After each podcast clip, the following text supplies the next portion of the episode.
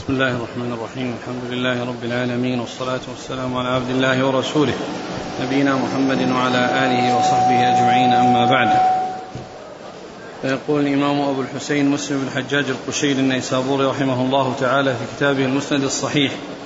قال حدثنا قتيبة بن سعيد قال حدثنا ليث بن سعد حا قال وحدثنا محمد بن رمح قال أخبرنا الليث عن أبي الزبير عن جابر رضي الله عنه قال كنا يوم الحديبية ألفا وأربعمائة فبايعناه وعمر رضي الله عنه آخذ بيده تحت الشجرة وهي سمرة وقال بايعناه على ألا نفر ولم نبايعه على الموت.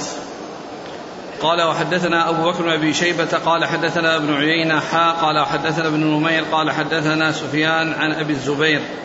عن جابر رضي الله عنه قال لم نبايع رسول الله صلى الله عليه وسلم على الموت إنما بايعناه على الا نفر. قال وحدثنا محمد بن حاتم قال حدثنا حجاج عن ابن جريج قال أخبرني أبو الزبير أنه سمع جابر رضي الله عنه يسأل كم كانوا يوم الحديبية؟ قال كنا أربع عشرة مئة. فبايعناه وعمر آخذ بيده تحت الشجرة وهي سمرة فبايعناه غير جد بن قيس الأنصاري اختبأ تحت بطن بعيره. قال وحدثني إبراهيم بن دينار قال حدثنا حجاج بن محمد الأعور مولى سليمان بن مجالد قال قال ابن جريج وأخبرني أبو الزبير أنه سمع جابرا يسأل هل بايع النبي صلى الله عليه وسلم بذي الحليفة؟ فقال لا ولكن صلى بها. ولم يبايع عند الشجرة إلا الشجرة التي بالحديبية. قال ابن جريج وأخبرني أبو الزبير أنه سمع جابر بن عبد الله يقول دعا النبي صلى الله عليه وسلم على بئر الحديبية. بسم الله الرحمن الرحيم. الحمد لله رب العالمين. وصلى الله وسلم وبارك على عبده ورسوله نبينا محمد وعلى آله وأصحابه أجمعين. ما بعد فهذه الأحاديث تتعلق ببيعة الرضوان وبيان عدد الذين بايعوا رسول الله صلى الله عليه وسلم في تلك في تلك في الغزوة وفي تلك الوقعة يعني تحت الشجرة. و وفيه يعني مبايعة مبايعة الإمام أو رئيس الجيش أصحابه على يعني على الجهاد في سبيل الله. وقد جاءت هذه في هذه الروايات البيعة على عدم الفرار وأنهم لم يبايعوه على الموت يعني بمعنى أنهم يعني يعني يبايعونه على الموت لأن الموت ليس لأن الموت علمه عند الله عز وجل. وإنما بايعوه على أن يصبروا ولهذا جاء في رواية عند البخاري أنه قال يعني بايعوه على الصبر. والصبر يعني يكون فيه عدم الفرار ويكون فيه أيضا الاستمرار يعني في الحرب ولو أدى ذلك إلى الموت ولو أدى إلى ذلك إلى الموت. وقد جاء في هذه الروايات أنهم لم يبايعوه على الموت. يعني ما نصوا أو ما قالوا إننا نبايع على الموت وإنما قالوا نبايع على على عدم الفرار. والرواية التي في البخاري نبايع على الصبر. والصبر يشمل آه، الصبر يعني عن الفرار وملازمة الجهاد وأيضا يعني يستلزم الاستمرار على ذلك ولو حصل الموت ولو حصل الموت. لكن التنصيص على أنهم بايعوه على الموت وقالوا أنهم بايعوه على الموت يعني والموت يعني إنما علمه عند الله عز وجل. فإذا هذه الرواية التي عند البخاري هي التي تبين يعني ما جاء من المبايعة على الموت والمبايعة على عدم الموت وهو الفرار. فيكون معنى الحديث أنهم بايعوه على أن يصبروا وأن يستمروا وأن لا يحصل منهم انهزام وفرار وأن, لا وأن يحصل منهم الاستمرار حتى ولو أدى ذلك إلى الموت. حتى ولو أدى يعني ذلك إلى الموت. وفي وفيه قال أن أن أن, أن آخر قال دعا. دعا في الحديبية نعم دعا النبي صلى الله عليه وسلم على بئر الحديبية. دعا على بئر الحديبية. هذا بئر الحديبية قد مر بنا الحديث أن أنهم كانوا جاءوا الحديبية وأنها لا تكفي لأربع إلى خمسين شاة وأن الرسول صلى الله عليه وسلم جلس عليها ودعا وبصق فجاشت يعني بالماء حتى يعني كثر وحتى سقوا واستقوا. حتى سقوا واستقوا وكانوا ألفا وأربعمائة. وجاء في هذا الحديث يعني ذكر الألف وأربعمائة و الألف والأربعمائة وجاء ألف وخمسمائة وجاء ألف وثلاثمائة ولكن الروايات المتعددة ترجح أن العدد الأوسط الذي هو 1400 هو الذي جاءت روايات متعددة فيه فيكون أقرب من غيره. وفيه أيضا دليل على أنه يجوز أن يبدأ بالحرف بالرقم الأصغر وبالرقم الأكبر فإنه جاء في بعض الروايات 1400 فبدأ بالألف وأتى بالأربعمائة بعد ذلك وفي بعضها أربع عشرة مئة أربع عشرة يعني مئة فبدأ بالعدد الأصغر. الحاصل أن هذا كله سائغ هذا سائغ وهذا سائغ وحصول التعبير في هذه الروايات المتعددة بأنهم كانوا ألفا يعني وأربعمائة يدل يعني على جواز البداية بالرقم الكبير وكذلك ويجوز البداية بالرقم الصغير. ولهذا فإن بعض العلماء الذين يكتبون يعني في التاريخ على حسب السنوات مثل ابن كثير في البداية والنهاية فإنه يذكر الأعداد الصغيرة وينتهي بالكبيرة. ثم دخلت السنة الثانية والثلاثين بعد يعني بعد الأربعمائة أو بعد كذا وكذا. يعني فيبدأ بالرقم الصغير وينتهي بالرقم الكبير. ولكن هذا الحديث يدل على أنه يجوز أن يبدأ بالرقم الكبير قبل الصغير وبالصغير قبل الكبير وأن كل ذلك سائر. أعيد الحديث. متن. قال قال جابر كنا يوم الحديبية ألفا وأربعمائة فبايعناه وعمر آخذ بيده تحت الشجرة وهي سمرة نعم. وقال بايعناه على ألا نفر ولم نبايعه. على الموت. يعني بايعوا على عدم الفرار ولم يبايعوا على الموت فيقول نبايعك على الموت. وإنما يعني الرواية التي وقد جاء في بعض الروايات أنهم بايعوا على الموت كما سيأتي لكن الذي يجمعها رواية الصبر كما قال النووي وهذه الرواية قال في غير مسلم ولكنها وهي في صحيح البخاري. بايعوه على الصبر يعني يصبرون فلا يفرون ويستمرون في صبرهم ولو حصل لهم الموت. ويستمرون في صبرهم ووقوفهم ومقابلتهم الأعداء ولو حصل الموت. نعم. وبعده.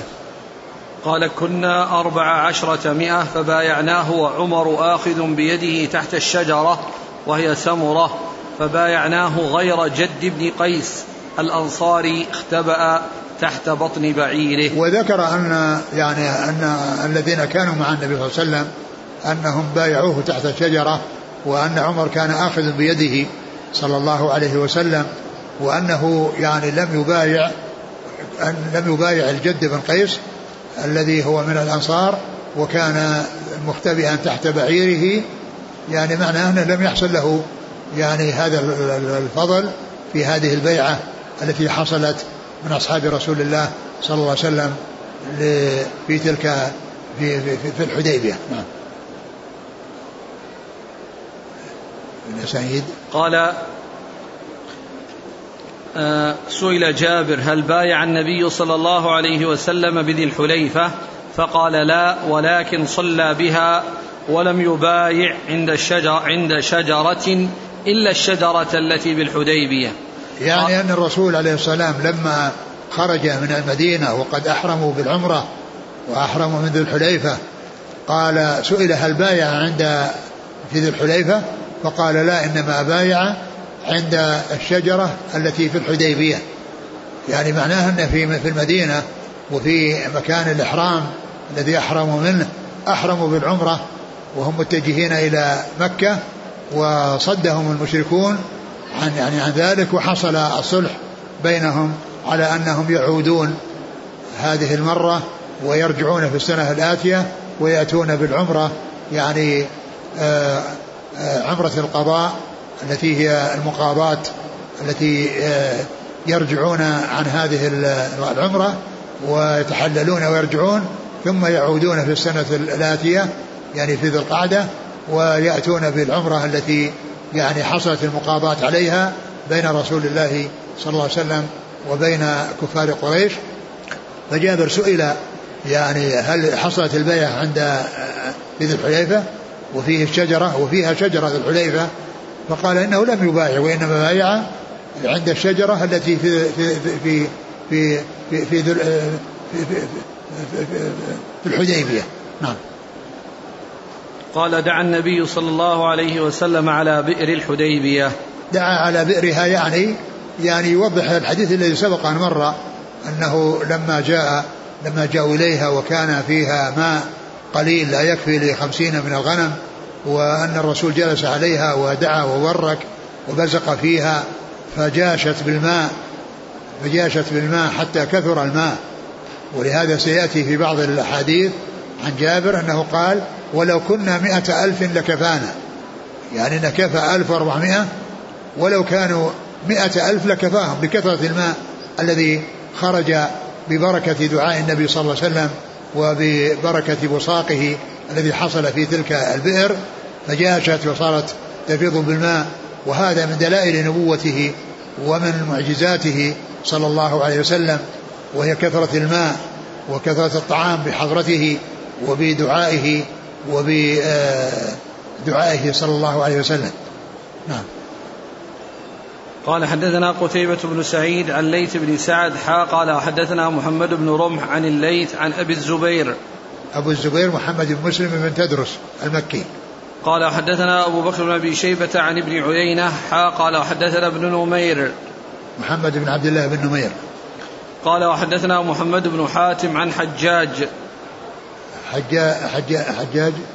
محمد الأعور المصيصي. حجاج نعم سيأتي. حجاج محمد الأعور المصيصي نعم. عن ابن جريج. عبد الملك بن عبد العزيز بن جريج.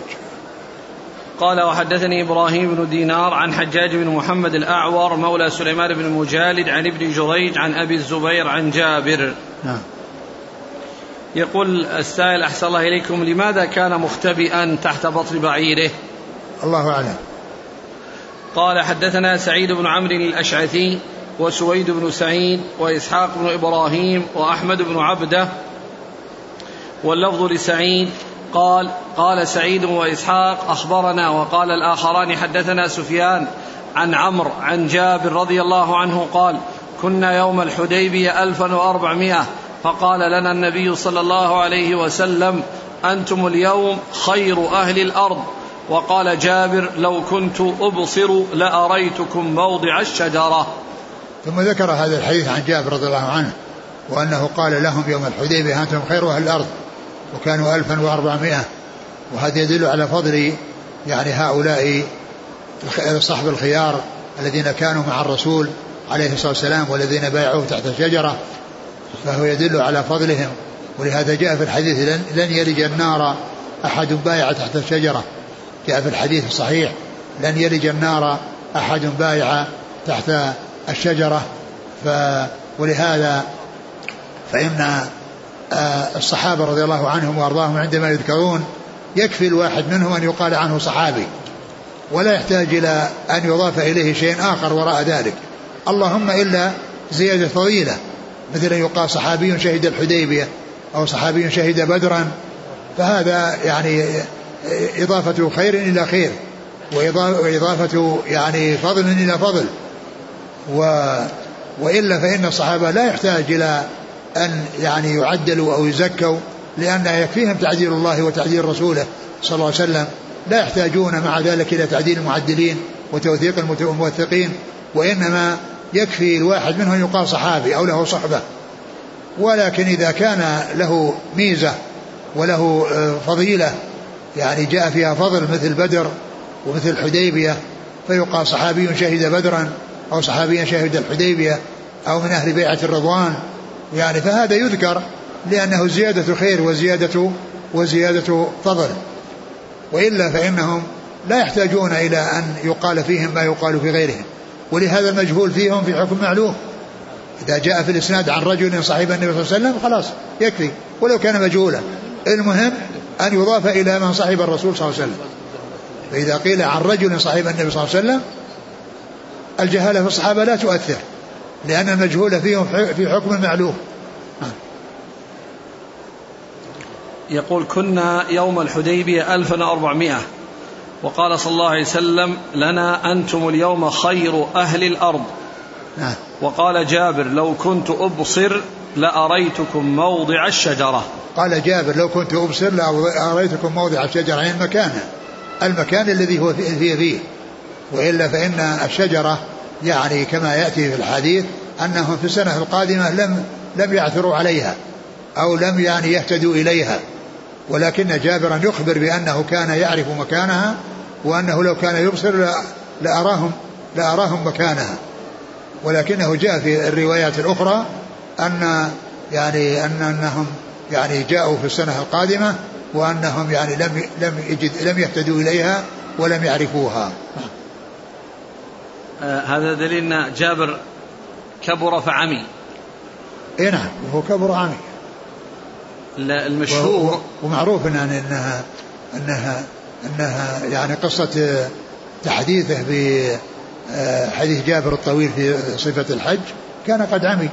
يعني لما جاء إليه آه، محمد بن بن علي بن حسين ومعه خمسة أو ستة وسألهم عن أسمائهم ويعني وكان قد كان عمي. وكان عمي وهو يحدث بهذا الحديث. نعم. مسألة الشجرة الآن يعني لم يهتدوا إليها السنة القادمة أو ضلوا عنها تماما. يعني اشتهر الآن أن عمر رضي الله عنه في خلافته صلى الفجر نعم. ذات يوم. يعني يعني قيل أن هذه شجرة يعني أنهم كانوا يصلون حولها فأمر بقطعها كما جاء في آه، طبقات ابن سعد. ليست شجرة الحديبية. إلا هي شجرة الحديبية لكن لكنها يعني إما أن يكون أنها هي يزعمون أنها الحديبية أو أنها هي شجرة لكن الذي الذي سيأتي في الروايات أنهم في السنة القادمة جاءوا ولم ولم يعرفوها. نعم. يعني فيما بعد اهتدوا إليها؟ يعني ما لا ما يكون اهتدوا إليها. يمكن أنهم يعني شجرة يعني ظنوا أنها هي فكانوا يصلون يعني عندها. قال حدثنا سعيد بن عمرو الأشعثي وسويد بن سعيد وإسحاق بن إبراهيم وأحمد بن عبدة عن سفيان عن عمرو. سفيان.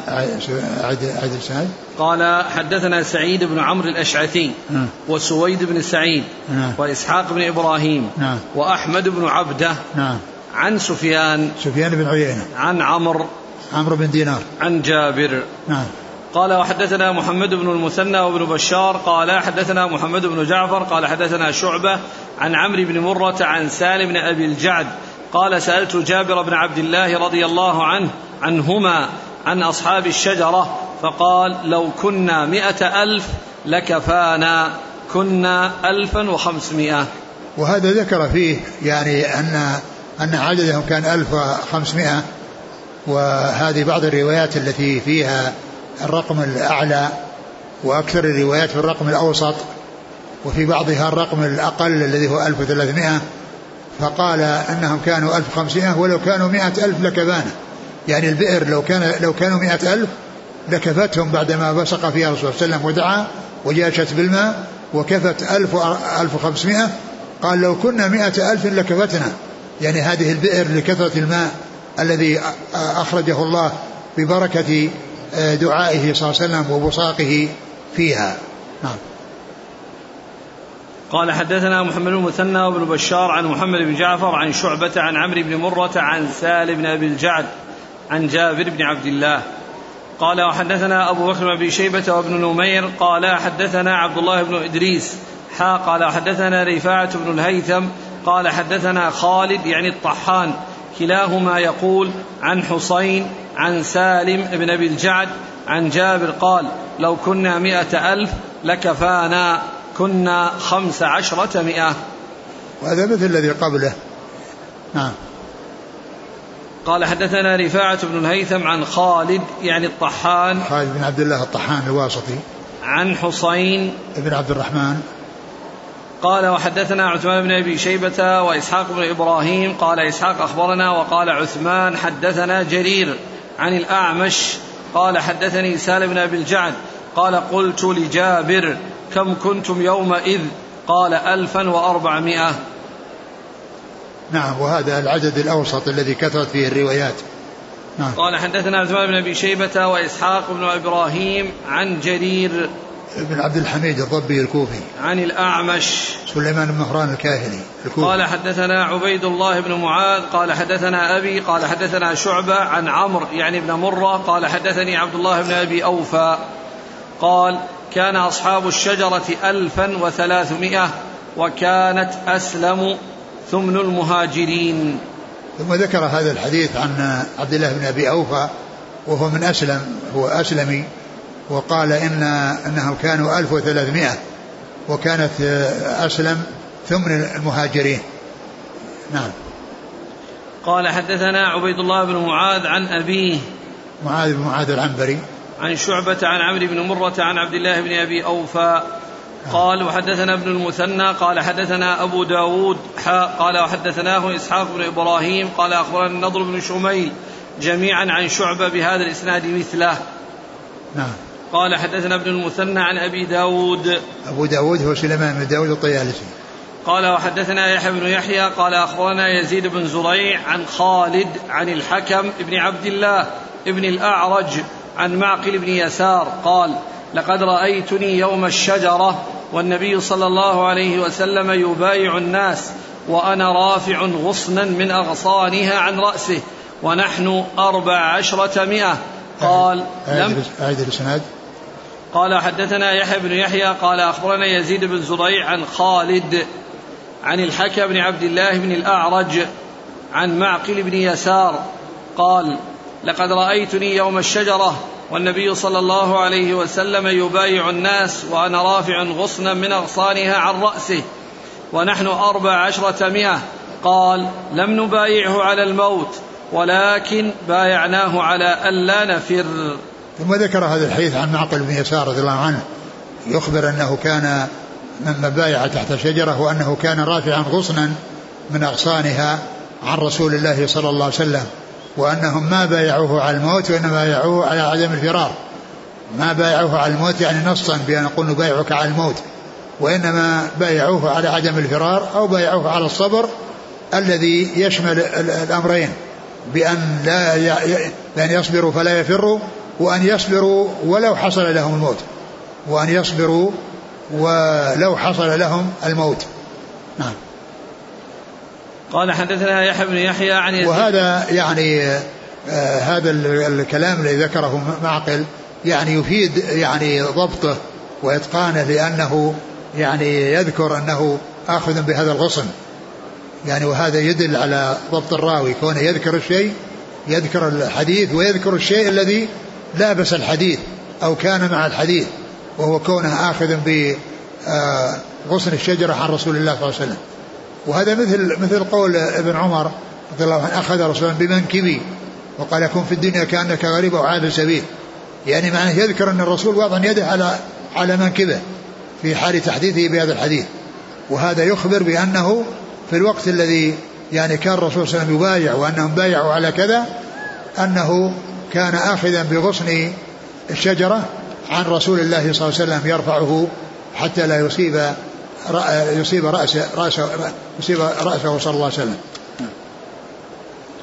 قال حدثنا يحيى بن يحيى عن يزيد بن زريع عن خالد. خالد هو الحذاء. نعم عن الحكم بن عبد الله بن الأعرج عن معقل بن يسار. نعم. قال وحدثناه يحيى بن يحيى قال أخبرنا خالد بن عبد الله عن يونس بهذا الإسناد. يونس هو بن يزيد الأيلي. يونس. يونس بن عمن هنا يونس سيروي عن الحكم بن عبد الله. ما أدري هذا من هو؟ يونس هذا كلام الشيخ محمد علي آدم يونس بن عبيد العبدي. آه. نعم. قال وحدثناه حامد بن عمر قال حدثنا أبو عوانة عن طارق عن سعيد بن المسيب قال كان أبي ممن بايع رسول الله صلى الله عليه وسلم عند الشجرة. قال فانطلقنا في قابل حاجين فخفي علينا مكانها فإن كانت تبينت لكم فأنتم أعلم.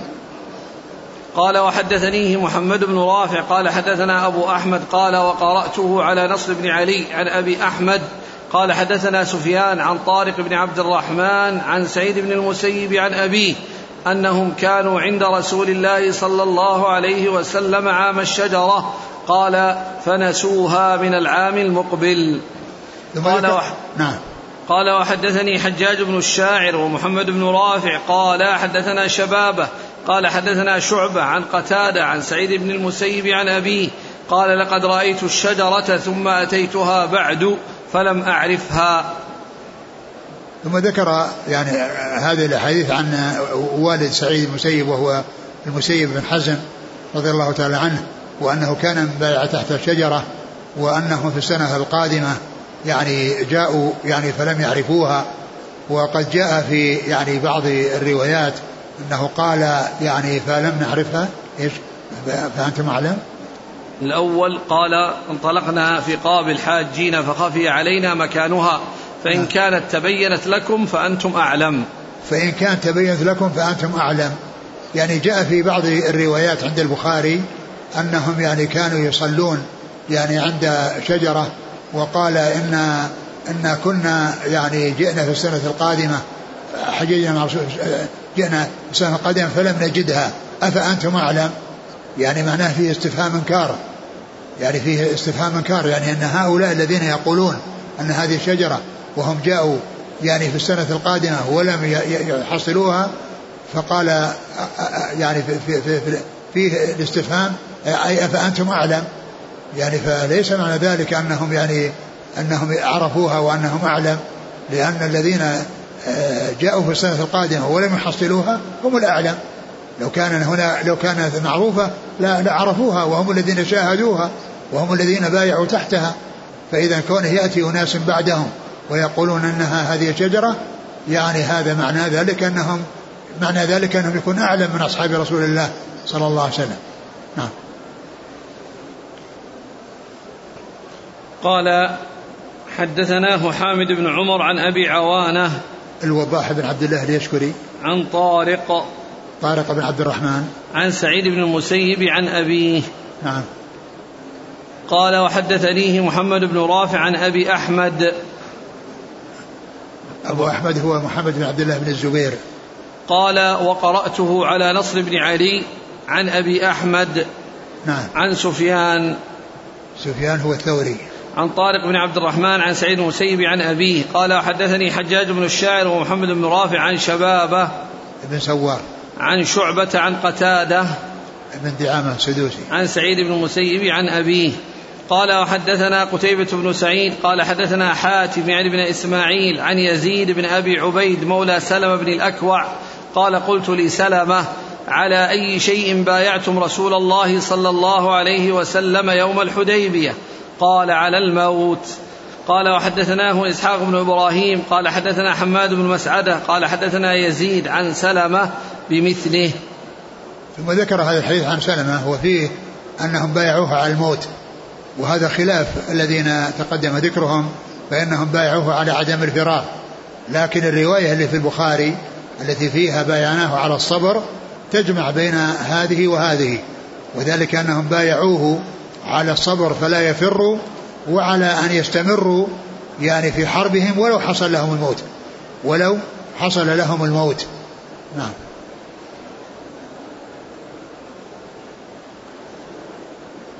قال وحدثنا إسحاق بن إبراهيم قال أخبرنا المخزومي قال حدثنا وهيب قال حدثنا عمرو بن يحيى عن عباد بن تميم عن عبد الله بن زيد رضي الله عنه قال أتاه آت فقال هذاك ابن حنظلة يبايع الناس.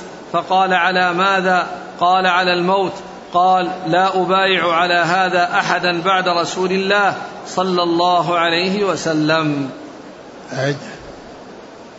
قال وحدثنا إسحاق بن إبراهيم قال أخبرنا المخزومي قال حدثنا وهيب قال حدثنا عمرو بن يحيى عن عباد بن تميم عن عبد الله بن زيد أنه قال أتاه آت فقال هذاك ابن حنظلة يبايع الناس.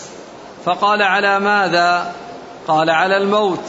قال لا أبايع على هذا أحدا بعد رسول الله صلى الله عليه وسلم. ثم ذكر يعني هذا الحديث عن عبد الله بن زيد. عن عبد الله بن زيد رضي الله عنه أنه يعني بلغه أو قيل له أن عبد الله بن حنظلة أنه يبايع الناس. قال يبايعهم على ماذا؟ قالوا على الموت. قال لا أبايع أحدا على ذلك بعد رسول الله صلى الله عليه وسلم. ومعنى ذلك أن الرسول بايع حصلت المبايعة على الموت. ولكن معناه مثل ما تقدم أنهم بايعوا على الصبر وأنه لو أدى ذلك إلى الموت. وأما بن حنظلة فهذا هو عبد الله بن حنظلة وكان كبير الأنصار يعني في الحرة يعني وكان يعني يبايع الناس على الموت وأنهم يعني يصبرون يعني حتى يحصل لهم الموت. فقال لا, أبايع أو لم أكن لأبايع على الموت أحدا بعد رسول الله صلى الله عليه وسلم. وكان هذا هو كبير الأنصار أو زعيم الأنصار الذي يعني في غزوة الحرة أو في وقعة الحرة الذين هم يعني يعني خرجوا على يزيد بن معاوية وحصلت الوقعة في الحرة وقتل فيها نفس عبد الله بن حنظلة. وعبد الله بن حنظلة هذا أبوه هو غسيل الملائكة.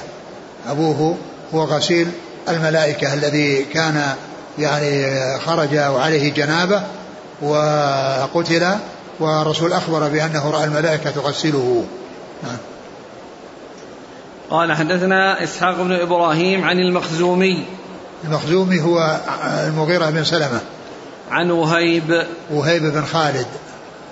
عن عمرو بن يحيى عن عباد بن تميم عن عبد الله بن زيد. نعم. قال رحمه الله تعالى حدثنا قتيبة بن سعيد قال حدثنا حاتم يعني بن إسماعيل عن يزيد بن أبي عبيد عن سلام بن الأكوع رضي الله عنه أنه دخل على الحجاج فقال يا ابن الأكوع ارتددت على عقبيك تعربت قال لا ولكن رسول الله صلى الله عليه وسلم أذن لي في البدو. وذكر هذا الحديث عن سلمة بن الأكوع وأنه كان خرج إلى البادية وأن وأن الحجاج يعني عابه على ذلك وقال تعربت يعني رددت صرت أعرابيا بعد الهجرة وتركت الهجرة وأنك صرت أعرابيا. ومعلوم أن الإنسان كان إذا إذا هاجر فإنه يبقى في مهاجره ولا يعني يخرج عنه ولا يتركه. ويعني لما عاب آه، الحجاج آه، سلمة بن الأكوع وقال إنك تعربت فقال إن الرسول أذن لي في ذلك. يعني أذن له في ذلك. وقد يكون يعني أذن له يعني أنه ليس في المكان الذي جاء منه. يعني قد أذن له فأن يكون في البادية في وقت من الأوقات يعني ولا يكون في المكان الذي جاء منه والذي هاجر منه إلى رسول الله صلى الله عليه وسلم. وإذا فهذا الذي حصل منه لم يكن منه وإنما يكون بإذن كان منه بإذن رسول الله صلى الله عليه وسلم. لم يكن منه تلقاء ابتداء وإنما كان بإذن الرسول عليه الصلاة والسلام. فلا يعاب عليه شيء أذن فيه الرسول عليه الصلاة والسلام.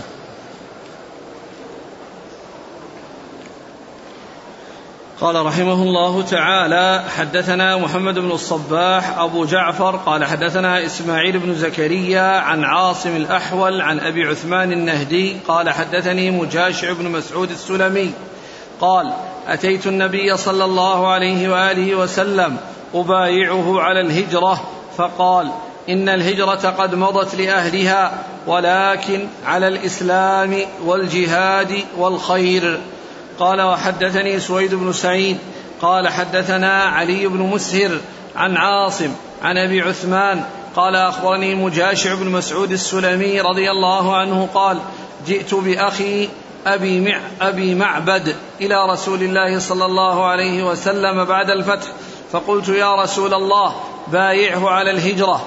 قال قد مضت الهجرة بأهلها قلت فبأي شيء تبايعه؟ قال على الإسلام والجهاد والخير. قال أبو عثمان فلقيت أبا معبد فأخبرته بقول مجاشع فقال صدق. قال حدثنا أبو بكر بن أبي شيبة قال حدثنا محمد بن فضيل عن عاصم بهذا الإسناد قال فلقيت أخاه فقال صدق مجاشع ولم يذكر أبا معبد. ثم ذكر هذا الحديث عن مجاشع بن مسعود رضي الله تعالى عنه أنه جاء ويعني بايع الرسول عليه الصلاة والسلام يعني على الهجرة فقال مضت الهجرة لأهلها وقال على يعني على ما أبايع فقال على الجهاد على الجهاد على الإسلام والجهاد على الإسلام والجهاد والخير على الإسلام والجهاد والخير يعني يبايع على الدخول في الإسلام وعلى الجهاد في سبيل الله وعلى الخير يعني آآ آآ آآ هذا لفظ عام يعني يشمل الجهاد ويشمل غيره لأن وجوه الخير المختلفة يدخل فيها الجهاد. وجاء في بعض الروايات أنه بايع الرسول عليه الصلاة والسلام وقال إن الهجرة مضت لأهلها وكذلك أنه جاء بأخيه أبي معبد وقال يعني أنه يبايع على الجهاد على, على الإسلام والجهاد والخير. وأن الهجرة يعني مضت لأهلها والمقصود من ذلك أن أنه بعد فتح مكة يعني صارت مكة دار إسلام وصار يعني أن يعني كان الناس قبل ذلك يهاجرون إليه من مكة ومن غيرها لينصروه ويؤيدوه. وبعدما فتحت مكة وصارت دار إسلام يعني صار يعني الناس يبقون في أماكنهم ويبقون في بلدانهم التي هي بلاد إسلامية ويقومون بما يجب عليهم في التعليم والتوجيه والخير والترغيب يعني في الأعمال الصالحة. نعم. قال حدثنا محمد بن الصباح أبو جعفر عن إسماعيل بن زكريا عن عاصم الأحول. عاصم بن سليمان الأحول. عن أبي عثمان النهدي. وهو عبد الرحمن بن مل. عن مجاشع بن مسعود السلمي. نعم. قال حدثني سويد بن سعيد عن علي بن مسهر عن عاصم عن أبي عثمان عن مجاشع. نعم. قال حدثنا أبو بكر بن أبي شيبة عن محمد بن فضيل عن عاصم بهذا الإسناد. نعم. قال حدثنا يحيى بن يحيى وإسحاق بن إبراهيم قال أخبرنا جرير عن منصور عن مجاهد عن طاووس عن ابن عباس رضي الله عنهما أنه قال قال رسول الله صلى الله عليه وآله وسلم يوم الفتح فتح مكة لا هجرة ولكن جهاد ونية. وإذا استنفرتم فانفروا. قال وحدثنا أبو بكر بن أبي شيبة وأبو كريب قال حدثنا وكيع عن سفيان حا قال حدثنا إسحاق بن منصور وابن رافع عن يحيى بن آدم قال حدثنا مفضل يعني ابن مهلهل يعني ابن مهلهل قال حا قال وحدثنا عبد بن حميد قال أخبرنا عبيد الله بن موسى عن إسرائيل كلهم عن منصور بهذا الإسناد مثله. ثم ذكر يعني هذا الحديث عن عن عن ابن عباس. نعم.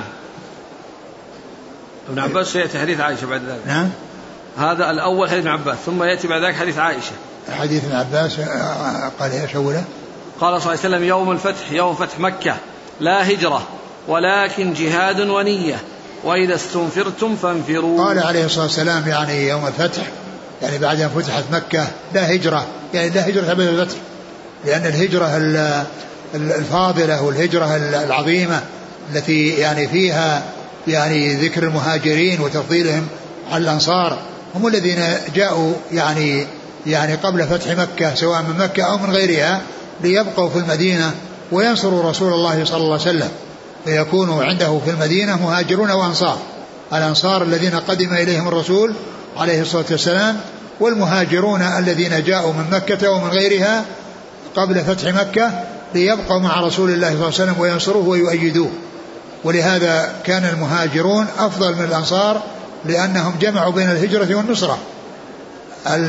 النصرة اللي عند الأنصار موجودة عند المهاجرين وعندهم زيادة عليها وهي الهجرة. ولهذا كان المهاجرون أفضل من الأنصار لأنه جمع لأنهم جمعوا بين الهجرة والنصرة لرسول الله صلى الله عليه وسلم. قال لا هجرة ولكن جهاد ونية. يعني جهاد ولكن جهاد في سبيل الله وكذلك نية يعني كون الإنسان ينوي بجهاده وبأعماله وجه الله والدار الآخرة. وإذا استنفرتم فانفروا يعني إذا طلب منهم الخروج للجهاد فإن عليهم أن يستجيبوا إذا طلب منهم الوالي يعني يعني أن أن يخرجوا للجهاد ويستنفروا للجهاد فإن عليهم الاستجابة لذلك. وإذا هذا هو الذي بقي بعد الهجرة. وإلا فإن الهجرة الفاضلة انتهت بفتح مكة. نعم. قال حدثنا يحيى بن يحيى وإسحاق بن إبراهيم عن جرير عن منصور جرير بن عبد الحميد ومنصور بن المعتمر. عن مجاهد.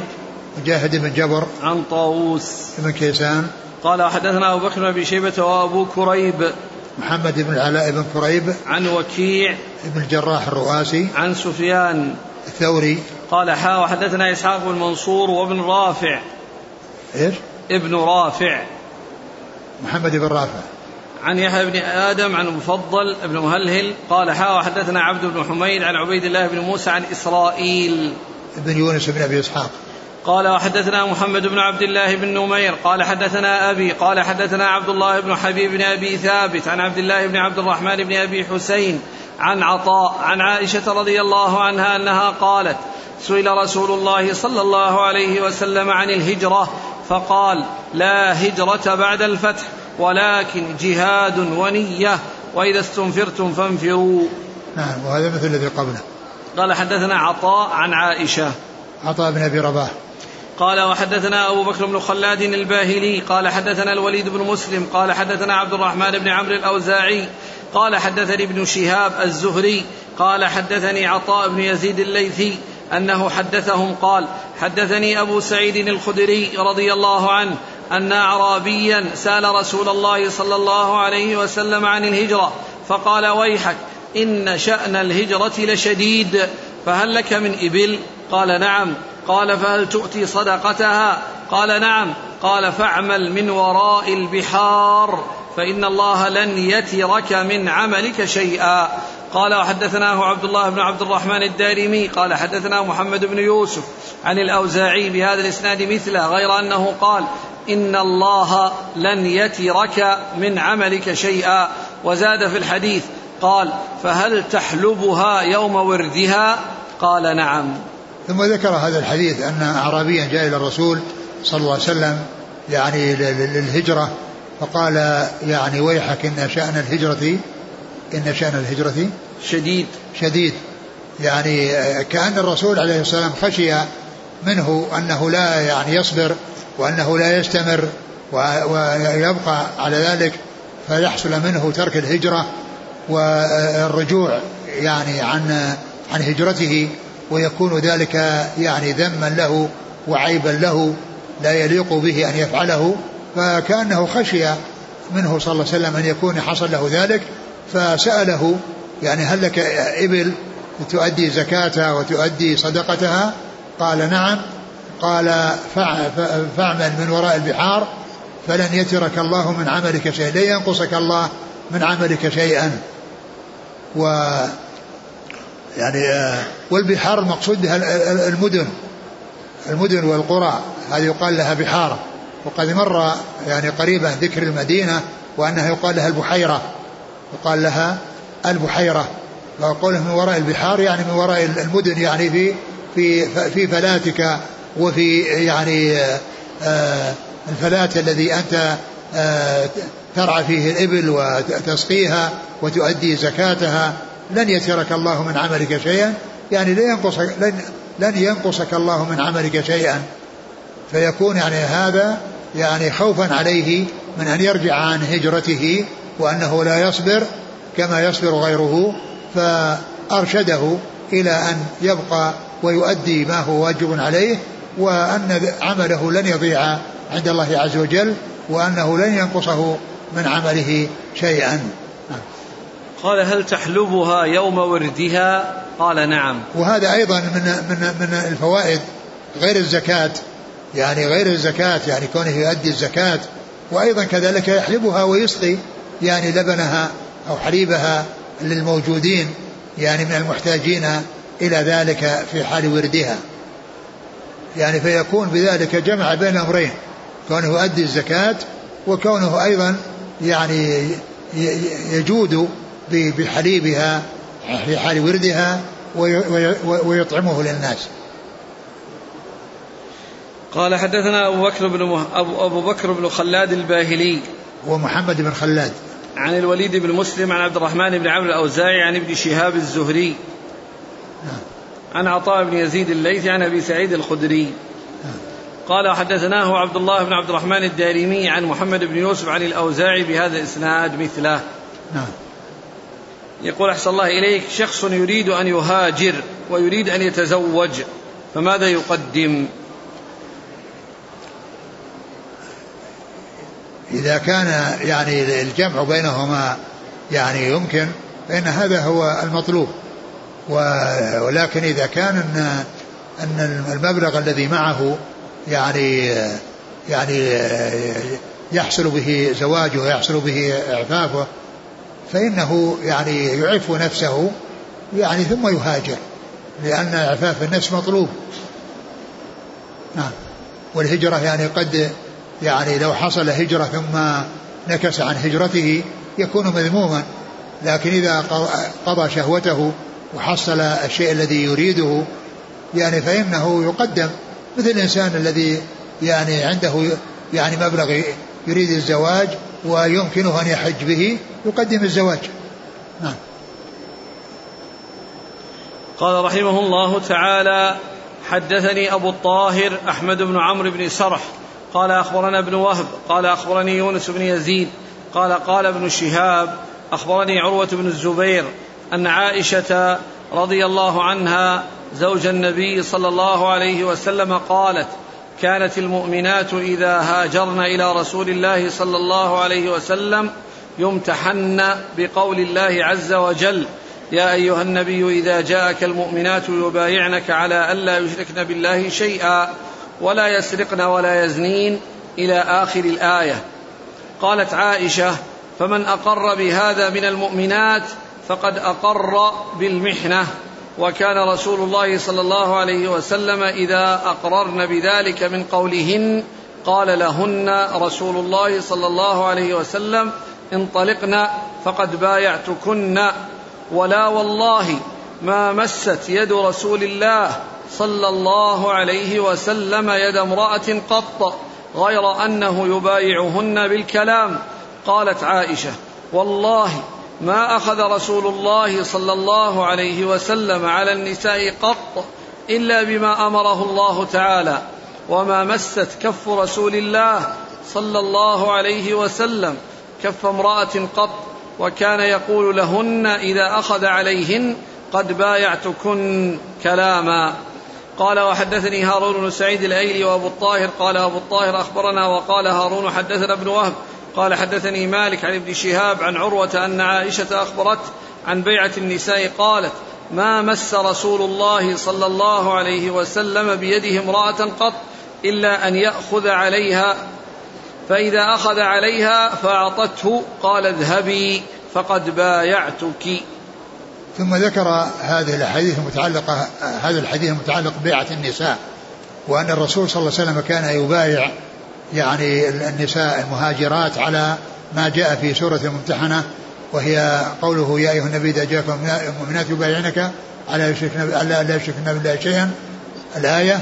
فكان يعني يأخذ عليهن البيعة في ذلك فإذا تكلمنا ونطقنا يعني بذلك الرسول عليه الصلاة والسلام كان يقابلهن بالكلام وليس بالمصافحة كما يفعل مع الرجال.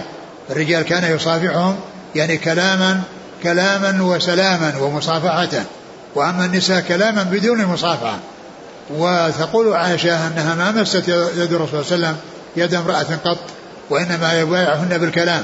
فإذا جاءت الوحدة الواحدة منهن قالت إني أبايعك على كذا وكذا وكذا قال قد بايعتك كلاما. وليس يعني بمس يده يدها وإنما يبايع بالكلام وقالت عائشة أنها ما مس يد الرسول امرأة قط. يعني الرسول عليه السلام كان يبايع النساء بالكلام ولا يبايعهن بالمصافحة وإنما هذا من خصائص الرجال. وما مست يد يد صلى الله امرأة قط. يعني معنى ذلك أنه ما ما يمس إلا محارمه.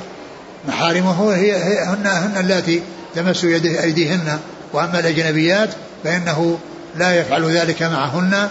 وإنما يكتفي بالكلام ويقول قد بايعتك كلاما يعني لا سلاما ومصافحة وما جاء في بعض الأحاديث أن المرأة تأتي وتأخذ بيد الرسول صلى الله عليه وسلم وأنها تقف معه وتسأله فليس معنى ذلك لا يخالف ما جاء في الحديث لأنها يمكن تأخذ بيده يعني بثوبه أو يعني يعني يعني حتى يتفق مع هذا الحديث وأنه ويتحقق ما قالت عائشة أن يده ما مست يد امرأة قط وإنما كان حتى البيعة التي فيها مصافحة كان لا يفعل ذلك وإنما يقول بايع بايعتك أو اذهبي فقد بايعتك كلاما لا مصافحة. قال رحمه الله تعالى حدثنا يحيى بن أيوب وقتيبة وابن حجر واللفظ لابن أيوب قالوا حدثنا إسماعيل وابن جعفر قال أخبرني عبد الله بن دينار أنه سمع عبد الله بن عمر رضي الله عنهما يقول كنا نبايع رسول الله صلى الله عليه وسلم على السمع والطاعة. اللي راح يعني الأسانيد هارون بن سعيد الأيلي. عن ابن وهب نعم عن مالك نعم عن ابن شهاب نعم عن عروة نعم عن عائشة. نعم وبعده؟ الطريق الثاني. آه، يونس بن يزيد بن يزيد عن ابن شهاب عن عروة عن عائشة. نعم. والله تعالى أعلم وصلى الله وسلم وبارك على عبده ورسوله نبينا محمد وعلى آله وأصحابه أجمعين. جزاكم الله خيرا وبارك الله فيكم. ألهمكم الله الصواب ووفقكم للحق. شفاكم الله وعافاكم ونفعنا الله بما سمعنا وغفر الله لنا ولكم وللمسلمين أجمعين. آمين. يقول أحسن الله إليك هل يستثنى من ذلك المرأة الكبيرة كزوجة الخال مثلا أن أصافحها؟ لا ما يستثنى من ذلك شيء لأنه ما جاء شيء يدل على الاستثناء. يعني يكفي السلام والكلام والدعاء.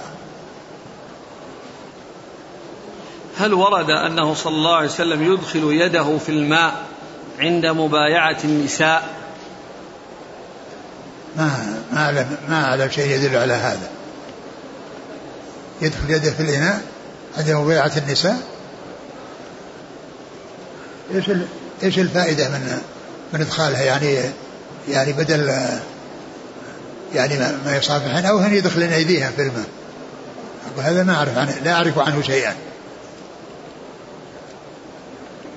هل يفهم من حديث الأعرابي في قول ويحك إن شأن الهجرة شديد؟ أن الهجرة ليست واجبة وإلا لما منعها النبي صلى الله عليه وسلم عن هذا الرجل أو رفض هجرته. آه، الرجل الرسول يعني قالوا إنه خاف عليه كان خاف عليه أن يرجع من هجرته خاف عليه أن يرجع من هجرته فيكون بذلك معيبا ومذموما. وهذا يقول أحسن الله ما الحكمة؟ لماذا يذم من رجع إلى مهاجره؟ لأنه ترك ترك الشيء الذي آه، أتى به لله عز وجل وأنه ترك يعني بلاد الكفر إلى بلاد الإسلام من أجل يعني آه، آه، إصلاح حاله وإصلاح غيره وغير ذلك من الأمور التي تترتب على الهجرة. أن يكون مع المسلمين وأن يكون بين المسلمين وأن يعني يتعامل مع المسلمين. وما توجيه حديث أن النبي صلى الله عليه وسلم كان يقيل عند أم سليم وأنها كانت تفلي رأسه. هذا من خصائصه عليه الصلاة والسلام. هذا من خصائصه عليه, عليه, الصلاة, عليه الصلاة والسلام. يعني ولا يقال أن أنه يعني آه، غيره يكون مثله غيره يكون مثله وإنما هذا يعني يعني قيل إن فيه قرابة وأن فيه رضاع وكذا ولكن الحافظ بن حجر يرجح أن هذا من خصائصه عليه الصلاة والسلام. وإذا كان يعني ليس هناك قرابة فلا شك أن هذا مستثنى من ذاك العموم الذي قال ما مست يعني يده يد امرأة. والمرأة هي التي مسته. نعم.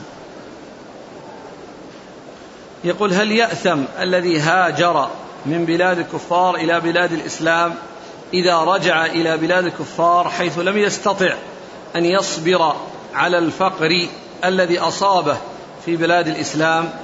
لا شك أنه يعني فوت على نفسه خيرا كثيرا وأضاع على نفسه خيرا كثيرا والإنسان يعني إذا هاجر يصبر.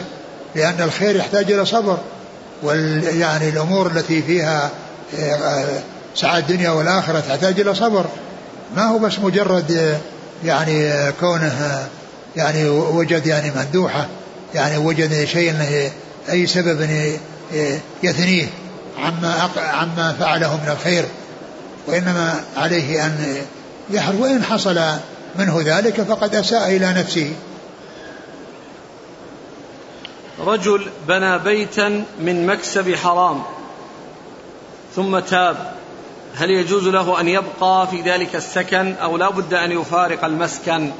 والله إذا كان مضطر إليه وبحاجة إليه يبقى ويستغفر الله عز وجل مما حصل ويتوب. يتوب من ذلك. يقول هل يجوز لبائع للبائع كبائع العسل مثلا أن يكتب الآية التي فيها بيان أن العسل شفاء. لا ما ينبغي هذا لأن هذا امتهان للقرآن. يقول هل يجوز أن يسلم يصافح على المرأة بحائل؟ لا لا يسلم لا بحائل ولا بغير حائل. أقول ما جاء شيء يدل على أن يسلم عليها بحائل. ومعلوم أن أن الحائل لمن عنده عنده مرض أو عندهم مرض يمكن أن يكون بالمصافحة ولو مع الحائل يصير في حركات تشعر بميل كل منهما إلى الآخر إذا كان عندهما سوء أو عند أحدهما سوء. لأن يكون فيه غمز أو يكون فيه يعني شيء يعني ولو كان ولو مو راحاية يقول خاصة إذا اضطر حيث مدت يدها فأحرجت ألا أبدا إذا مدت يدها لا تمد يدها الرسول لا يصافح النساء وأنا أقتدي بالرسول صلى الله عليه وسلم. إذا مدت يده مدت يدها يمد يده لا أبدا. مدت يدها هذا منكر فلا يمد يده ويبادلها هذا المنكر. وإنما عليه أن يمتنع ويقول أن هذا لا يجوز والرسول صلى الله عليه وسلم منع منه. نعم. يقول ذكرتم أحسن الله إليكم في درس مضى تحريم هدايا العمال. نعم. يقول نحن نعمل في إحدى الشركات في توصيل الكهرباء للمنازل وقد يأتي صاحب المنزل فيعطي العمال طعاما أو مالا فإذا سمع صاحب العمل يسمح بذلك لا لا يعارض. فحينئذ هل يجوز للعمال أخذ هذا؟ قضية آه، الأخذ يعني قد يكون أن هذا يعني سببا في كونهم يعاملون معاملة طيبة والذي ما يحصل من هذا الشيء لا يعاملون معاملة طيبة.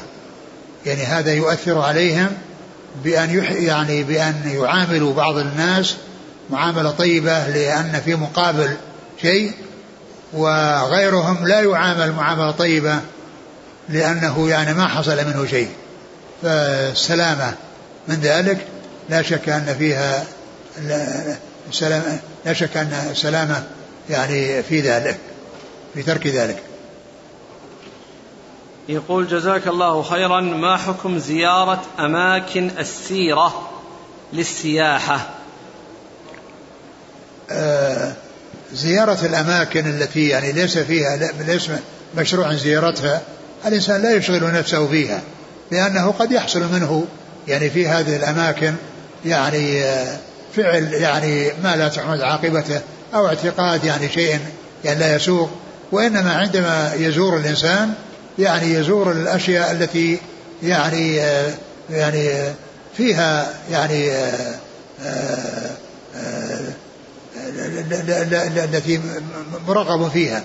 لكن لو لو أن إنسانا يعني ذهب إلى أماكن وهو يعني مستقيم ولا يخشى عليه يعني وشاهدها وعاينها ولا يتأثر ولا يتمسح ولا يعني يحصل من ذلك قد يكون إن شاء الله لا بأس به. يقول آه، جزاك الله خيرا. شيخنا عندنا طائفة من غلاة الصوفية يعرفون بأنصار الفيضة التيجانية يتفوهون بكلمات تشتمل على الكفر والإلحاد. وانتشرت لهم أشعار مسموعة. السؤال ما حكم الانتماء إليهم؟ علما بأن هناك من ينتمي إليهم ويتفوه بهذه الكلمات ويقول هذه الأشعار. إذا كانت هذه الأشعار يعني آه، شركية أو كلام شرك يعني هذا لا يجوز لأحد أن ينتمي إليهم ولا أن يشاركهم يعني فيما هم فيه من الباطل. وإنما يعني من يكون عنده عقل ويكون عنده يعني فهم مستقيم عليه أنه يعني ينبه ويبين له أن مثل هذا لا يسوق وأن عليه أن ينصحهم فإن استجابوا وإلا يبتعد عنهم. يعني هذا هو الواجب. أما أن يكون يعني معهم ويخالطهم ويعني وهم يتفوهون بما هو كفر إذا كان إذا كان الأمر كما يقول السائل فإن هذا لا يسوق يقول آه الأحاديث التي مرت في بيعة النبي صلى الله عليه وسلم يقول يستدل بها بعض الصوفية للبيعة الخاصة بهم. الرسول صلى الله عليه وسلم كان يبايع على في كتاب الله. أما أولئك الذين يبايعون على على على شر وعلى فساد فهذو ليسوا ليسوا على منهج الرسول صلى الله عليه وسلم. يقول رجل لا يريد أن يأخذ الصدقة فهل له أن يأخذها بنية أن يعطيها لغيره؟ كون الإنسان إذا كان محتاجا إليه يأخذها وإذا كان غير محتاج إليها ويعني آه، قال لصاحبها أنه غير محتاج ولكنه سيؤديها فإذا أنابه في ذلك ما في بأس. يقول حفظك الله إذا كان يوجد على جدران البيت آيات قرآنية قصد به الإنسان التبرك هل هذا جائز؟ لا ما يجوز لا يجوز أن يكتب القرآن في الجدران ولا أن يكتب يعني ويعلق وإنما القرآن جاء لي لي لي ليعمل به وليسار إلى الله عز وجل على نهجه وما جاء في سنة رسول الله صلى الله عليه وسلم وما جاء ليكتب على الجدران لأن كتابة على الجدران زيادة حجة على الناس. يعني يرون الكلام اللي فيه الزواجر والقوارع ومع ذلك لا يحرك عندهم ساكنا. بارك الله فيكم. ما حكم من هجر زوجته سنة ونصف وهو في بلد بعيد عنها؟ لا يجوز الإنسان لا يجوز الإنسان يسيء إلى زوجته.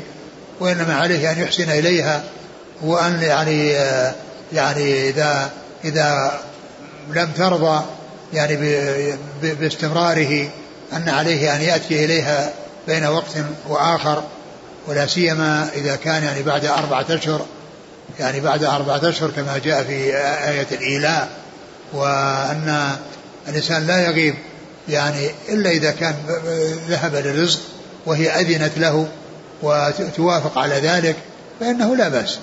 أما أن يسيء إليها ويهجرها ويتركها يعني هذه المدة الطويلة فقد أساء إلى نفسه وأساء إليها.